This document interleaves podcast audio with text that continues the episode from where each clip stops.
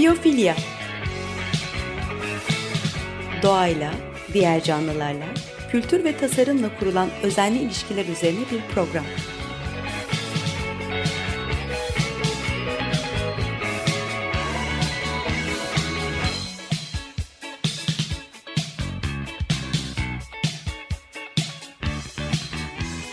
Hazırlayan ve sunan Nurhan Kiyılır.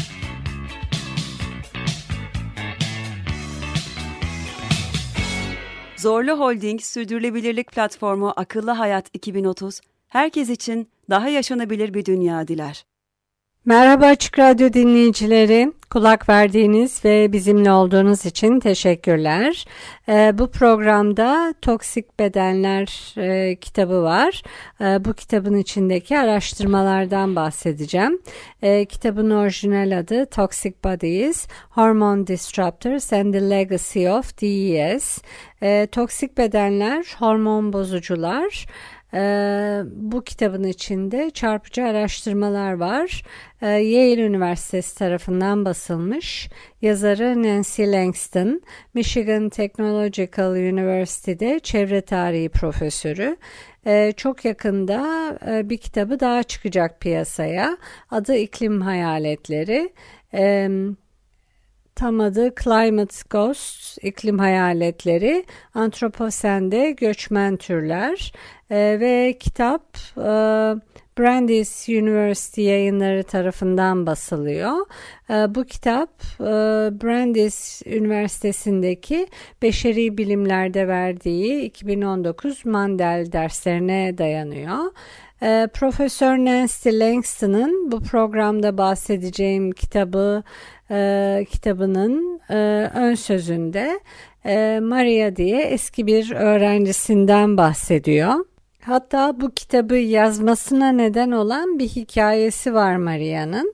Ee, Maria kağıt fabrikalarının kıyıda sıra sıra yer aldığı Wisconsin'deki Fox Nehri kıyısında büyümüş. Ee, çocukluğu boyunca nehirdeki değirmen atıklarının kokusu o kadar kötüymüş ki Green Bay şehri suya parfüm bile atmış. Ancak parfüm zehirli kontaminasyonu maskeleyememiş tabii ki de.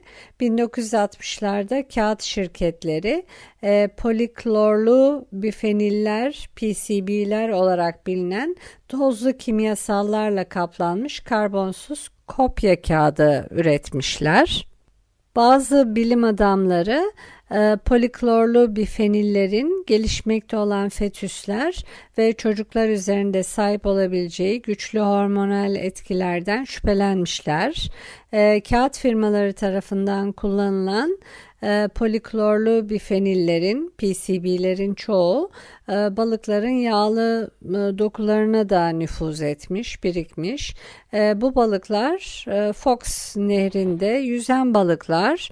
E, Maria'nın ailesi her cuma akşamı Wisconsin geleneği icabı e, yerel balıkları yemek için bir taverneye giderlermiş.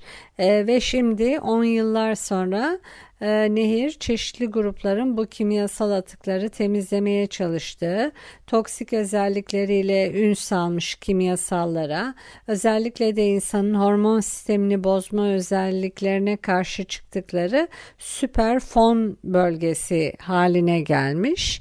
Ee, Nancy Langston e, Maria'yı e, konuşmacı olarak sınıfına davet ediyor. Ee, Maria çevre bilimci olarak eğitim alıyor ve bu konuda araştırma yürütüyor. Araştırmasının e, teknik detayları hakkında sınıfta ve diğer seminerlerinde hiç konuşmamış. Maria e, poliklorlu bifenillerin milyarda bir kısmının bile hormonal etkileri üzerinde durmamış. Tiroid hormonu işlevini değiştirdiğinden, ölüme sebebiyet e, verebileceğinden veya kimyasalların beyin gelişimini değiştirip e, bağışıklık sistemini çökerttiğinden de bahsetmemiş. E, bunun yerine küçük çocuğu hakkında konuşmuş. Kızı var ve herkese kızımı emzirmeli miyim diye sormuş. Maria yaptığı araştırmadan özellikle bebeklerin daha konsantre ve toksik formlarda biriken kimyasallara karşı savunmasız olduğunu biliyor. E, emzirme e, Maria'nın kendi vücudunda Fox nehrinden aldığı on yıllardır biriken poliklorlu bifenillerin konsantrasyonunu azaltacaktı. Ancak bu kimyasalları bilinmeyen ve potansiyel olarak trajik etkilerle kızına aktaracak olacak. E, kendi vücudunun zehirli atıklarla dolu olduğunu e, bilmesine rağmen çocuğunu nasıl emzirebilirdi? Aynı zamanda anne sütünün e, bebeklere sağlık açısından birçok fayda sağladığını bilmesine rağmen bunu kızından nasıl esirgeyebilirdi? E, bu tabii çok acı bir soru ve çok acı bir ikilem. E, bu sadece Maria'nın problemi değil, hemen herkesin problemi. E, çünkü Profesör Doktor Michael Brangart var. Beşikten Beşiğe tasarımın kurucularından. E, kendisi 24 sene boyunca anne sütünü analiz etmiş. E, sonuç çok acı. 1 kilogram bile kaliteli anne sütüyle karşılaşmamış neredeyse. Kullandığımız plastiklerden kimyasallar yayılmış. Bunu da solumuşuz. Sadece yiyip içtiklerimiz değil, dokunduğumuz, solduğumuz şeyleri de bünyemize alıyoruz. Maria'nın bu ikilemi aslında her annenin e, olabilecek ikilemi. Emzirsin mi, emzirmesin mi? Ne kadar rahatsız edici bir düşünce ve soru. E, nehirleri vahşi yaşamı ve kendimizi potansiyel olarak toksik etkileri olan e, sentetik kimyasallarla doyurduğumuz düşüncesi e, çok rahatsız edici. E, Maria'nın öyküsü e, Great Lakes balıklarından insanlara kadar çok çeşitli hayvanlarda üreme sorunlarının arttığını gösteriyor. E, birçok araştırmacı suçluların hormonal sinyalleri bozan sentetik kimyasallar olduğundan şüpheleniyor. Özellikle de gelişmekte olan cenin ölümlerinde. geçtiğimiz 10 yılda e, binlerce deneysel çalışma e, sentetik kimyasalların e, laboratuvar hayvanlarında ve vahşi yaşamda hormonları değiştirebileceğini göstermiş. Çok sayıda araştırma endüstriyel kimyasallara maruz kalmayla üreme sorunları arasında korelasyon gösteriyor. Ee, endokrin bozucu kimyasallar nadir değil. Bunlar yaygınlar. Üretimde sentetik kimyasallar yaygın olarak kullanılıyor. Ee, İkinci Dünya Savaşı'ndan bu yana her yer plastik, ilaç ve böcek ilaçlarındaki sentetik kimyasallarla dolmaya başladı. Ee, Amerikan hükümeti bunları düzenleme konusunda büyük ölçüde başarısız. 1940'lardan beri endokrin bozucu kimyasalların riskleri hakkında bilinenler göz önüne alındığında federal düzenleyici kurumlar e, halk ve çevre sağlığını korumak için neden bu kadar az şey yapıyorlar? Endüstrinin yanında yer alanlar var. Bunlar çıkar çevrelerinin yanında yer alanlar. Çıkar çevrelerinin yanında yer alanlar e, hükümeti e, bürokrasiyi zararın bilimsel kanıtı olmaksızın kimyasalları aşırı düzenleyerek, kullanımını aşırı yasaklayarak veya sınırlayarak e, gelişmeyi engellediğini iddia ediyorlar. E, çevreciler ise hem yasaların hem de etiğin e, bu kanıtı sağlayacak insan deneylerini yasakladığından bahsediyor. E, tam ve kesin bir bilgi yok ortada.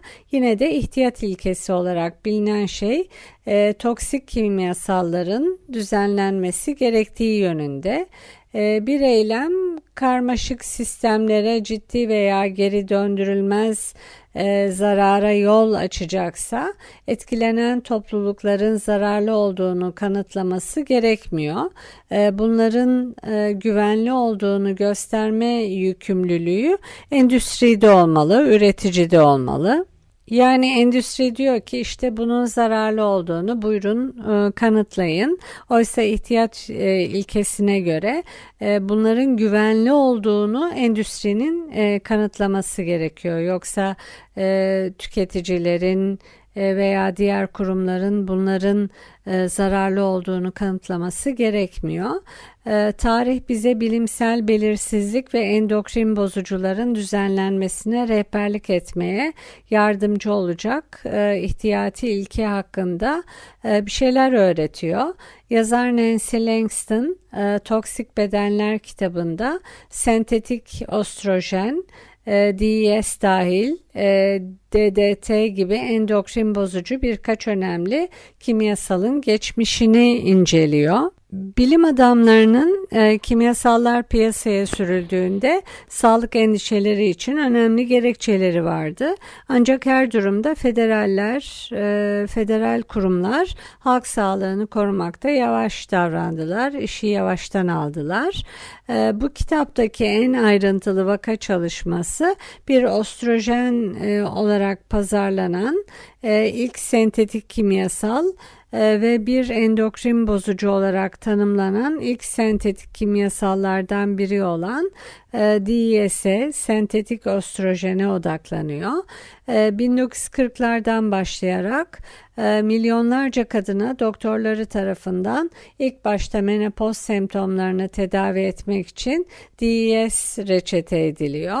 1947'de Gıda ve İlaç İdaresi FDA diyabetli hamile kadınlar için DES'i onaylamış e, ve ilaç şirketleri düşük yapma riskini azaltmanın bir yolu olarak tüm gebeliklerde DES kullanımını teşvik edip yaygın bir şekilde reklamını yapmışlar.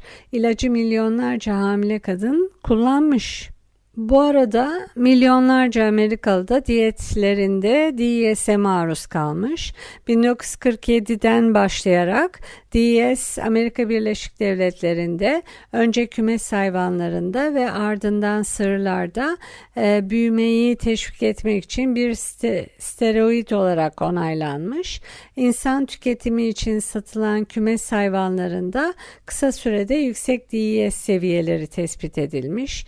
E, farelerde meme kanserine neden olmak için gerekli konsantrasyonun 100 katına kadar tespit edilmiş. E, kısa süre sonra e, ilacı kullanan kadınlar, e, çiftlik hayvanı yetiştiren çiftçiler ve malzemeyi üreten işçiler arasında DES'in etkilerine ilişkin endişeler artmış. E, federal kurumlar başlangıçta bu endişeleri yersiz bulmuşlar. Ancak sonunda erken tarım işçilerinin e, kısırlık, iktidarsızlık ve göğüs büyümesine maruz kalmasının ardından e, FDA e, DES e, implantlarının tavuklarda kullanımını 1959'da yasaklarken sığır yeminde ve hamile kadınlarda kullanılmasını yasaklamamış. Tabi sığır atıkları çevreye yayılıyor. Ee, DES'in metabolik yan ürünleri beslenme alanlarında daha geniş ekosistemlere taşınıyor ve çok çeşitli vahşi yaşamı hormona maruz bırakıyor. Ee, gıda arzındaki kimyasal kalıntılar e, insan, çiftlik hayvanları ve vahşi yaşamın e, iç ekosistemlerini değiştiriyor. Yapay ostrojen kullanımının etkilerini ortaya koyan araştırmalar var. Bu araştırmalardan bahsedeceğim. Ama önce bir müzik arası verelim. Ee, Hobo Johnson'dan e, All in My Head'i dinleyeceğiz. Tekrar merhaba Açık Radyo dinleyicileri. Biyofilia programındayız. Ben Nurhan Keeler. Müzik arası vermiştik. Hobo Johnson'dan All in My Head'i dinledik. E, Toksik Bedenler, Hormon Bozucular diye bir kitap var elimde. Yale Üniversitesi tarafından basılmış. Yazarı Nancy Langston. Michigan Teknoloji Üniversitesi'nde çevre tarihi profesörü. E, bu kitaptaki en ayrıntılı vaka çalışması yapay ostrojene ait. E, ilk sentetik kimyasal e, ve bir endokrin bozucu olarak tanımlanan ilk sentetik kimyasallardan biri olan DES sentetik ostrojene odaklanıyor bu vaka çalışması. 1940'lardan ee, başlayarak milyonlarca kadına doktorları tarafından ilk başta menopoz semptomlarını tedavi etmek için DES reçete edilmiş. 1947'den başlayarak DES Amerika Birleşik Devletleri'nde önce kümes hayvanlarında ve ardından sığırlarda büyümeyi teşvik etmek için bir steroid olarak da onaylanmış. 1971 yılında yayınlanan araştırmada Boston'daki araştırmacılar anneleri hamileyken DES almış olan genç e, kadınlarda son derece nadir görülen vajinal kanserler rapor etmişler. E, bu sorunlar doğumda ortaya çıkmamış ee, sadece ergenlik çağında veya genç yetişkinlikte bazen 10 yıllar sonra ortaya çıktılar. DS'e maruz kalan anneler ve çocuklar e, ilaca yönelik araştırma çağrısı yapmak için örgütlendiler e, ve sonunda tüketiciler, bilim adamları ve kongre temsilcileri e, FDA'yı kimyasalın e, çoğu kullanımını e, yasaklamaya zorladı. Yaygın e, yapay ostrojen kullanımından kaynaklanan e, sağlık ve çevre felaketinin tüm boyutları ancak 2000'li yılların başında ortaya çıktı. 2002 yılına gelindiğinde e, bu yapay e, ostrojen, sentetik ostrojen e, toksikolojik çalışmalarda kanserojen ve gelişimsel toksik madde olarak ortaya çıktı. Öylesine güçlü ki e, diğer kimyasalların toksitesi genellikle onunla karşılaştırılıyor. E, doğum öncesi DIS'e maruz kalan 2 e, ila 5 milyon çocuktan örneklenenlerin yaklaşık %95'i adet düzensizlikleri, kısırlık ve çeşitli üreme kanserlerinin daha yüksek riskleri dahil olmak üzere üreme sistemi sorunları yaşamışlar. 1960'larda ee, kullanımının zirvesinde DES, Amerika Birleşik Devletleri'ndeki besi sığırlarının yaklaşık %95'ine verilmiş. Bu da milyonlarca insanın yapay ostrojenle kirletilmiş et tükettiği ve yem alanlarından gelen ostrojenik atıkların e, sulara karıştığı anlamına geliyor. Peki o halde FDA neden ilacı onaylıyor? Ee, DS'i 1941'de onaylamadan önce bile araştırmacılar bunun kansere ve laboratuvar hayvanlarında e, cinsel gelişimle ilgili sorunlara neden olduğunu biliyorlardı. E, bu endişeler başlangıçta FDA komiseri Walter Campbell'ı 1940'da e, ilacı reddetmeye yöneltmiş.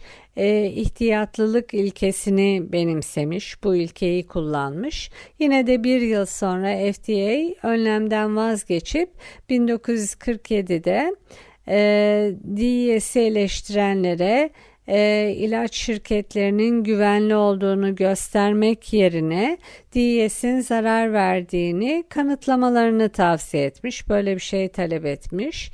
E, düzenleyiciler neden endüstri baskısına direnemiyor veya direnmek istemiyorlardı?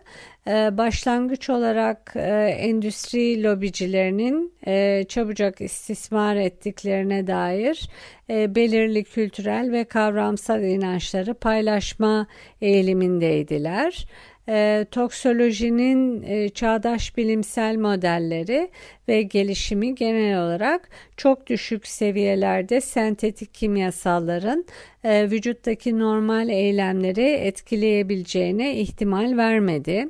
Gerçekten de çeşitli sentetik kimyasalların zararlı etkilerini ortaya çıkaran araştırmalar çoğu zaman dönemin standart toksikolojik paradigmalarını ihlal ediyor gibi göründü e, ve bu da düzenleyicilerin bilimsel sonuçları yorumlamasını zorlaştırdı. Laboratuvar hayvanlarından elde edilen deneysel kanıtlar zarar verdiğini kanıtlasa bile e, hayvanlar üzerindeki çalışma sonuçlarının insanlar için riskleri değerlendirmedeki geçerliliği konusundaki belirsizlik e, düzenleyicilerin mahkemede önlem ilkelerini, e, ihtiyat ilkelerini savunmasını zorlaştırdı. Buna ek olarak doğal ve sentetik kimyasallar arasındaki sınırlarla ilgili kafa karışıklığı, mevzuat hazırlayanların gıda tedariğinde nispeten yaygın olan doğal e, östrojenik kimyasallar e, bunu yapmasa da sentetik kimyasalların neden zarara yol açabileceğini anlamalarını da zorlaştırdı. E, birçok mevzuat düzenleyici e, endüstri personeliyle bilimsel uzmanlığa olan inancı e, teknolojik ilerlemenin doğayı kontrol edebileceği ve kontrol etmesi gerektiği inancıyla birleştiren modernist bir dünya görüşünü paylaştılar.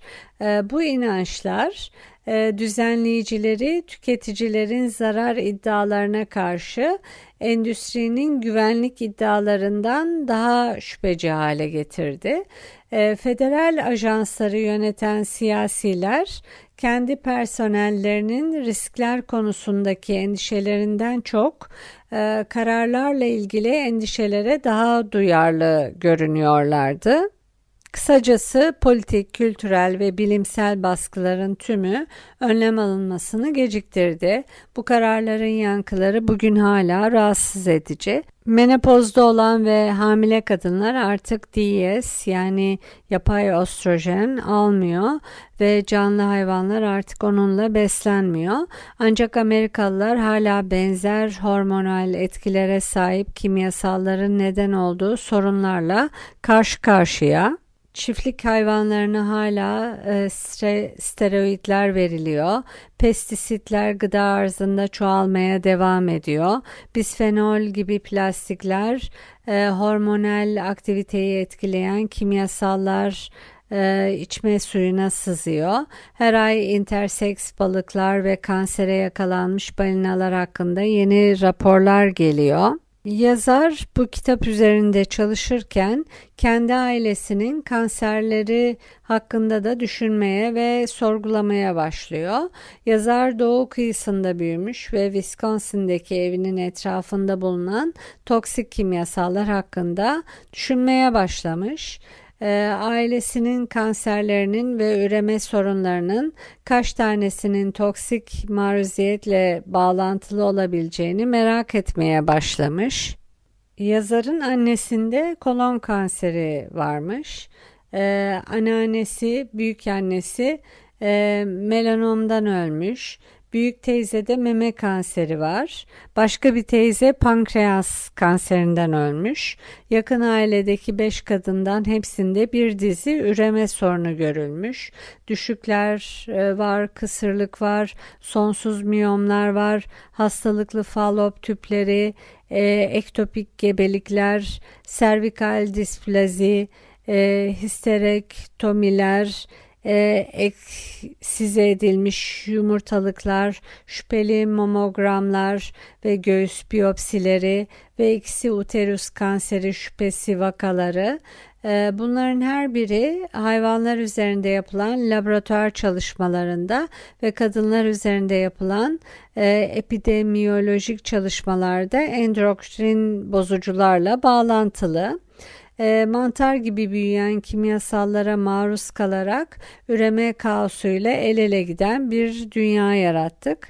E, çünkü kısmen hiç kimse tek bir kimyasalın belirli bir sağlık sorununa neden olduğunu kanıtlayamıyor ve bu nedenle düzenleyiciler e, harekete geçmiyorlar.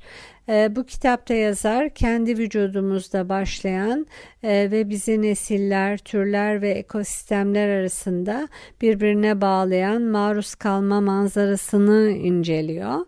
E, kitabın içeriğine belki sonraki programlarda devam edebilirim. E, enteresan bir içerik. E, bu programın sonuna geldik. E, kulak verdiğiniz için teşekkürler. Açık Radyo Prodüksiyon ekibine programı edit ettikleri için teşekkür ederim. E, bir sonraki programda buluşmak üzere. Hoşçakalın.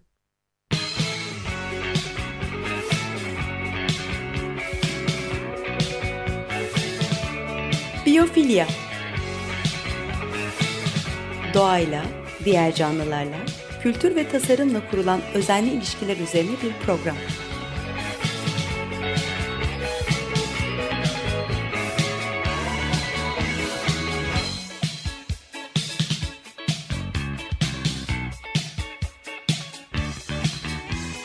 Hazırlayan ve sunan Nurhan Killer.